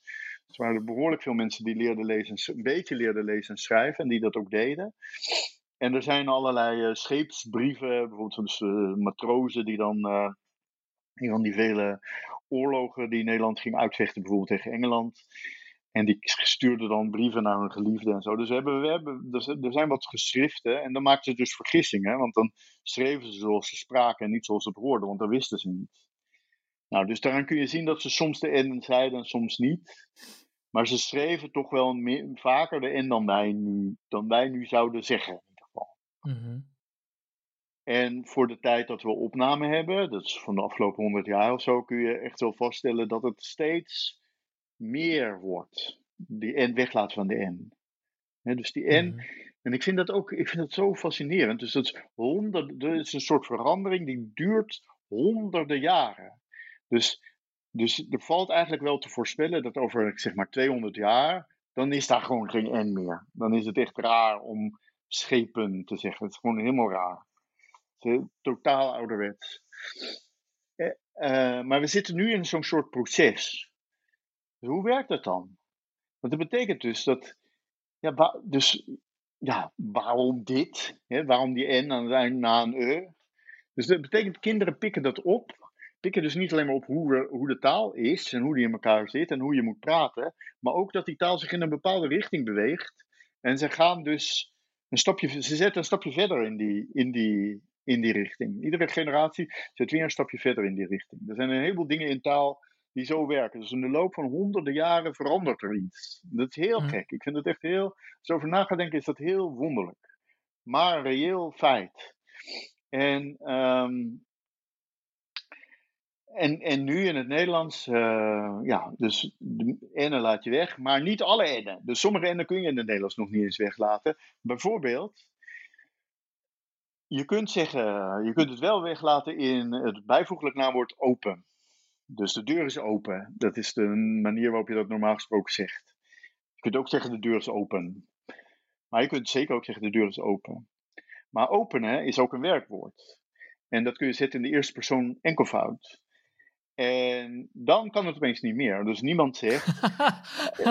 uh, hij, hij wil dat ik de deur open. Dat is heel gek. Dat, dat, dat kan je gewoon niet zeggen. Dat zegt ook niemand. Maar dat weet dus iedereen. Het klinkt, het klinkt, ook heel erg gek. Ja, dat klinkt heel gek, hè? Maar dat, is dus, maar dat heb je nooit geleerd. Heeft nog, ik ben de eerste waarschijnlijk in jouw hele leven die jou dat vertelt, dat dat zo is. Ja. Dus dat, ja. dat heeft nooit iemand expliciet aan jou geleerd. Dat heb je opgepikt uit die enorme warwinkel van mensen die soms wel de N zeggen, soms niet. Die hier wel, daar niet. Maar nooit heb je. En dit geldt dus altijd voor de eerste persoon uh, van uh, vorm van enkelvoud. Bijvoorbeeld een ander, voor, ander voorbeeld is uh, teken. Dat is een zelfstandig naamwoord, dus geef een teken. Geef een teken, maar kan ook een werkwoord zijn, tekenen. Dus je kan ook weer niet zeggen dat ik de deur teken. Dit is ook weer, ook weer precies hetzelfde. Dus de regel is, je, je moet soms in een bepaalde onbekende mix de n weglaten, behalve bij de eerste persoon enkelvoud van werkwoorden.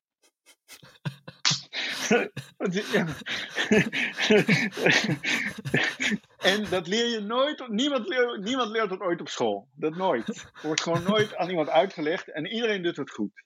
En er zijn ook en dan zijn er bepaalde woorden waar het ook nog voor geldt. Dus zelfstandig naamwoorden waar het ook voor geldt. Dus voor, namelijk dat, in ieder geval zijn dat er twee, namelijk heiden en christen, om de een of andere reden. Dus je kunt ook niet zeggen, ik ben een christen, dat is ook heel gek. Of hij is mhm. een heide, of ik ben een heide eventueel.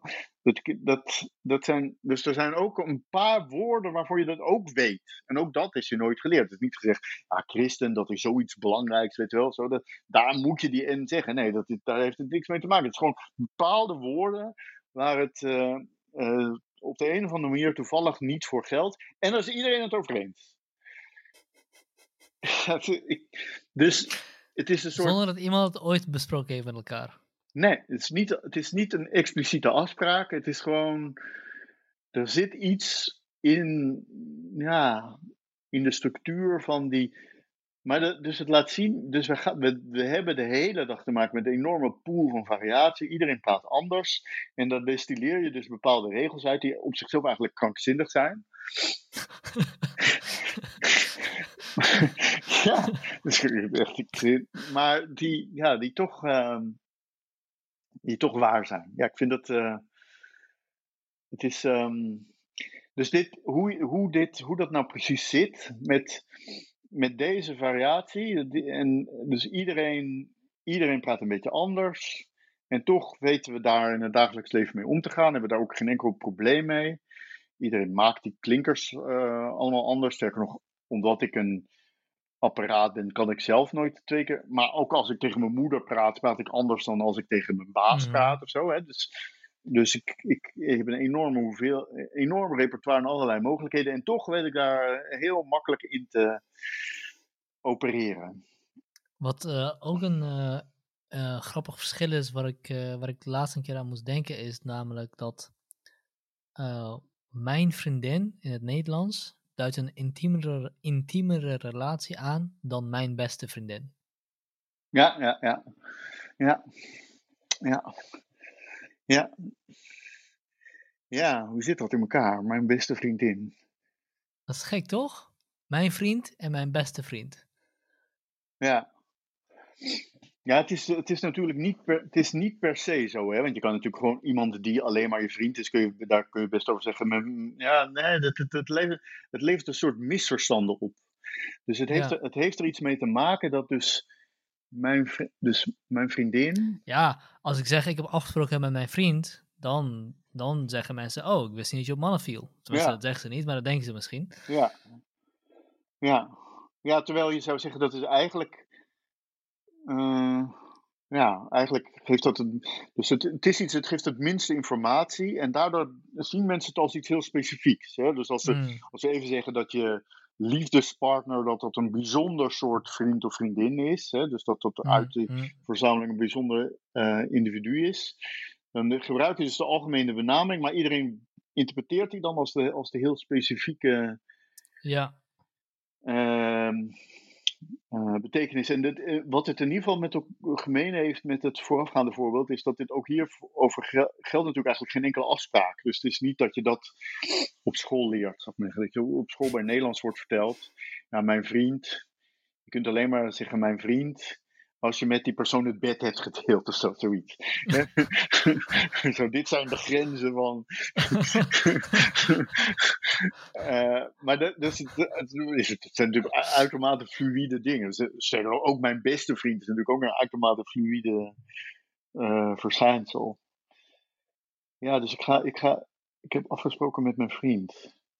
Nee, dus dan moet je zeggen, ik heb afgesproken met een vriend van mij. Dat zo, wat, dus, Ja. dus dat zo, of dus met een goede vriend van mij, dat Ja. kan ook nog. ja, maar een vriend van mij, dan, dus bij een vriend, als je zegt ik heb afgesproken met een vriend van mij, denkt niemand dat dat je partner is. Hè? Dat- Nee. Eh, Want ja, je, ma- je maakt er een uitdaging van, namelijk een. Ja, ik denk dat dat, dus daar heeft het mee te maken. Dus dat mijn, Ja. mijn heeft iets bepaalds. Dus als je zegt mijn vriend, dan be- bedoel je daarmee de ene specifieke persoon die mijn vriend is. Ik denk dat, die, dat het voorbeeld mijn partner en mijn, mijn zakenpartner nog wordt, maakt hem nog iets duidelijker. Ja, ja. Denk ik. dus de ene specifieke persoon die mijn partner is. Eh, en je hebt allerlei soorten partners, want je gaat eh, sporten en je doet dit en dat, allerlei Ja. dingen. Je hebt allerlei soorten partnerschappen. Maar eh, ja, er is één soort van partnerschap dat wij in onze cultuur, of misschien wel in het menselijk leven, boven alle andere stellen. En eh, dus als je alleen maar zonder veel informatie zegt mijn partner. Ja, Terwijl mijn zakenpartner, dan maak je dus expliciet dat het niet die, die partner is. Niet maar, die partner is. Ja, dat, is wel, dat is wel interessant. Die Door, doordat je dat erbij zet, maak je niet, probeer je niet duidelijk te maken dat het je zakenpartner is, maar dat het niet die ene specifieke partner is die het speciaalste is. Ja, dat moet je dan dus doen, ja. Omdat mijn partner, omdat mijn partner, hoewel het eigenlijk heel algemeen is, die ene specifieke betekenis krijgt, moet je dus alle andere betekenissen, nou, zo, dat geldt dus ook weer voor die vriend, dan moet je dus e- enorme bochten wringen om de, alge, om de algemene relatie te benoemen. je moet je er een vriend van mij, eh, ja, niet de vriend. Dan vragen mensen de of een. Nee, een. ja. Ehm, waar waren we? We hadden het over eh, fonologie en de variatie in talen, maar dat die wel zich bevindt tussen bepaalde voorwaarden, bepaalde grenzen. Dus er is heel veel variatie binnen een taal, maar er zitten altijd wel grenzen eraan. Ehm, en dat doet me denken aan, of er zitten grenzen aan, er zitten randvoorwaarden aan. Dat doet me denken aan eh, nog een andere filosofische discussie over het verschil tussen worden mensen nou geboren met eh, voor, even in mijn eigen woorden, voorgeprogrammeerde ehm, ideeën in zich en moeten dat leren? Of worden ze als een soort van leeg blad geboren en kan dat elk vorm aannemen Ja, eh, afhankelijk van de cultuur?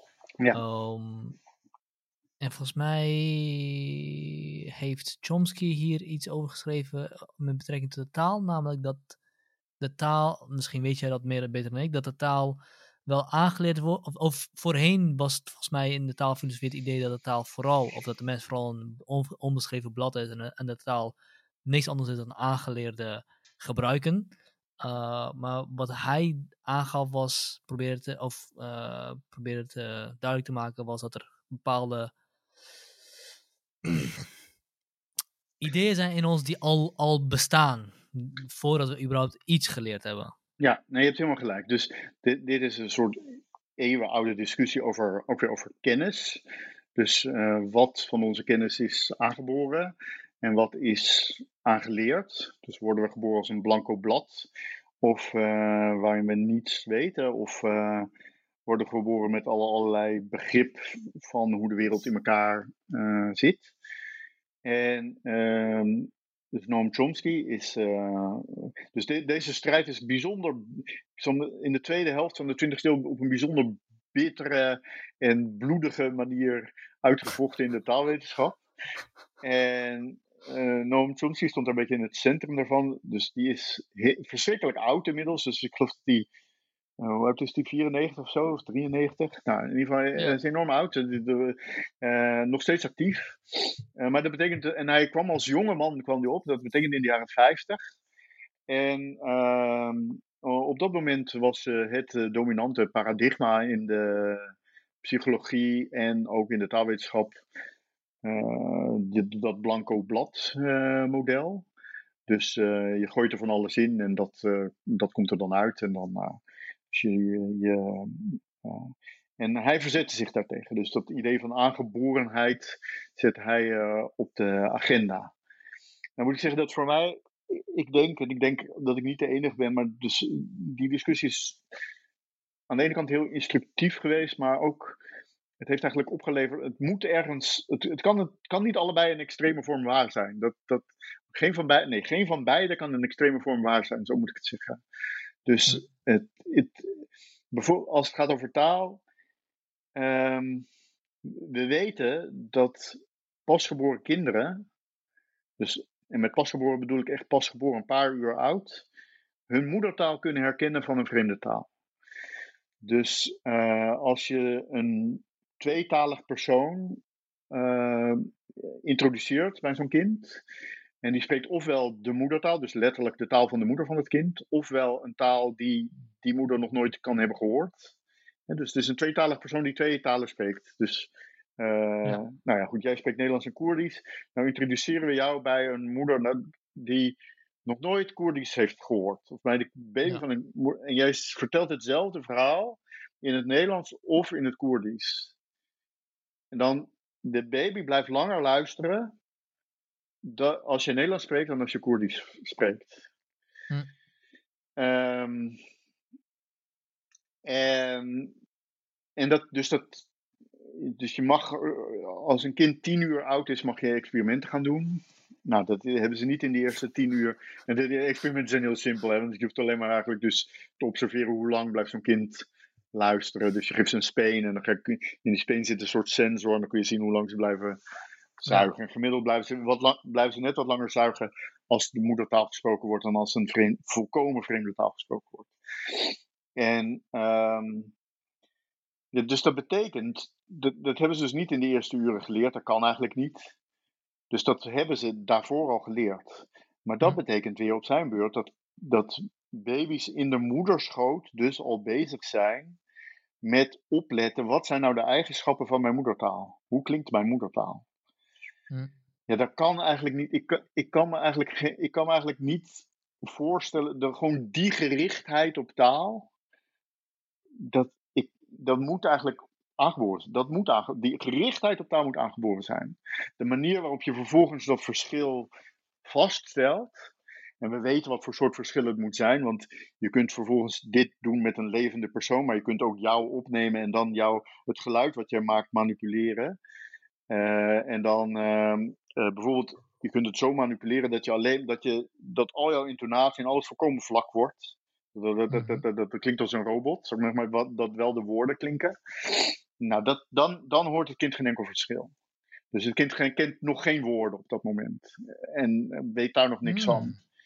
Maar als je juist jouw intonatie en het, iets wat we het ritme van de taal noemen, als je, dat, als je alleen dat behoudt, terwijl je de klinkers en de medeklinkers weglaat, dan blijft dat verschil wel bestaan voor dat kind. Dus dan blijven ze wel langer luisteren naar dat ritme van de moedertaal dan naar het ritme van de volkomen vreemde taal. En dat is hmm. ook eigenlijk niet zo gek, omdat dat kind die taal dus leert vanuit de moederschoot. Dus die hoort het door een soort berg van vlees en zo. Dus die hoort eigenlijk zo op deze manier. Ja. Um, weet je wat interessant is?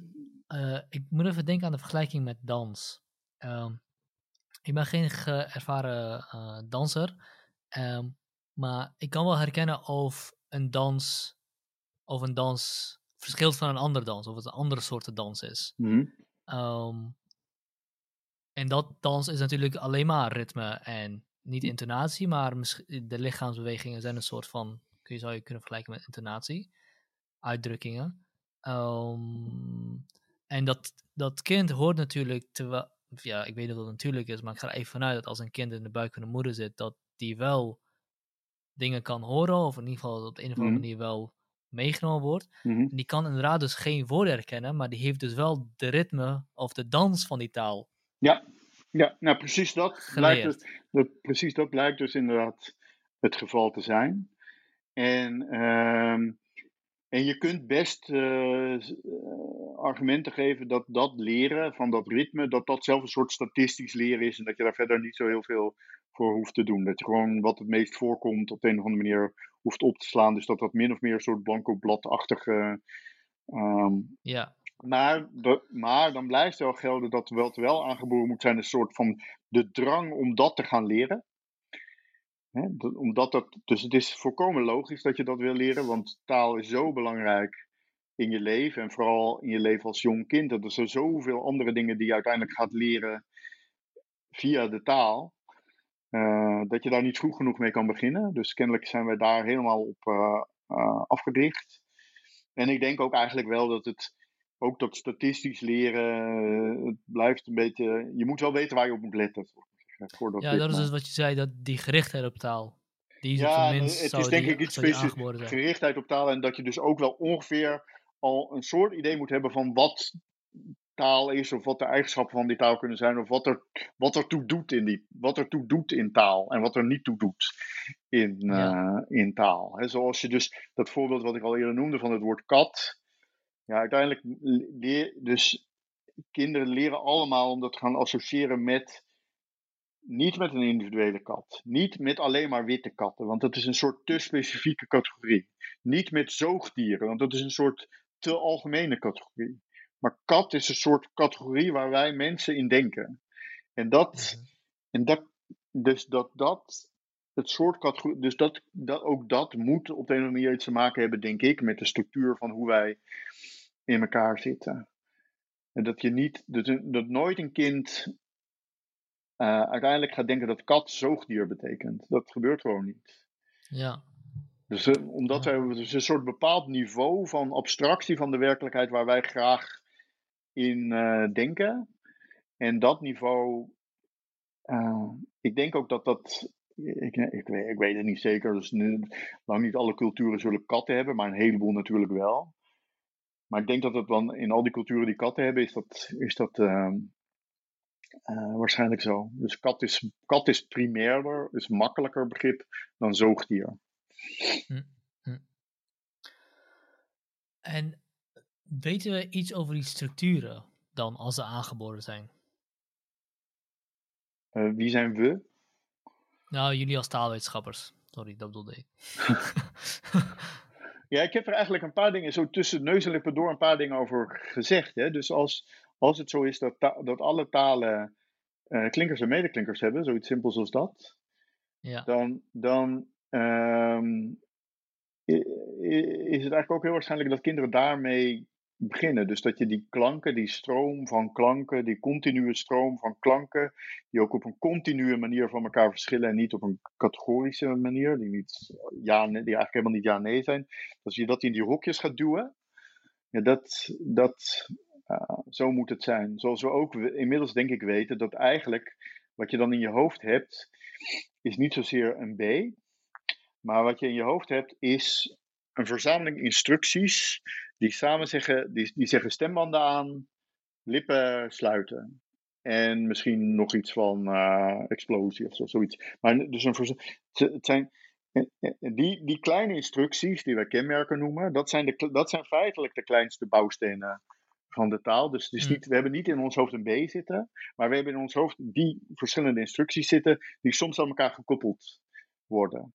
En dat weten we ook wel, want er is ook wel onderzoek in de hersenen waaruit blijkt dat ja, als je een B en een P zegt, gewoon, en mensen, tegen mensen die in een, uh, MRI-apparaat zit of zo, waardoor je iets kunt zien van hoe hun hersenen reageren, dan zijn er bepaalde dingen die, gemeenschappelijk, die ze gemeenschappelijk hebben. Dus op dezelfde manier op, mm. waarop wij op dezelfde manier reageren in ons hoofd. Dus die, de, de, B en de P overlappen in ons hoofd met elkaar. Zoals ze ook overlappen met de M, omdat je de M ook zegt met je lippen.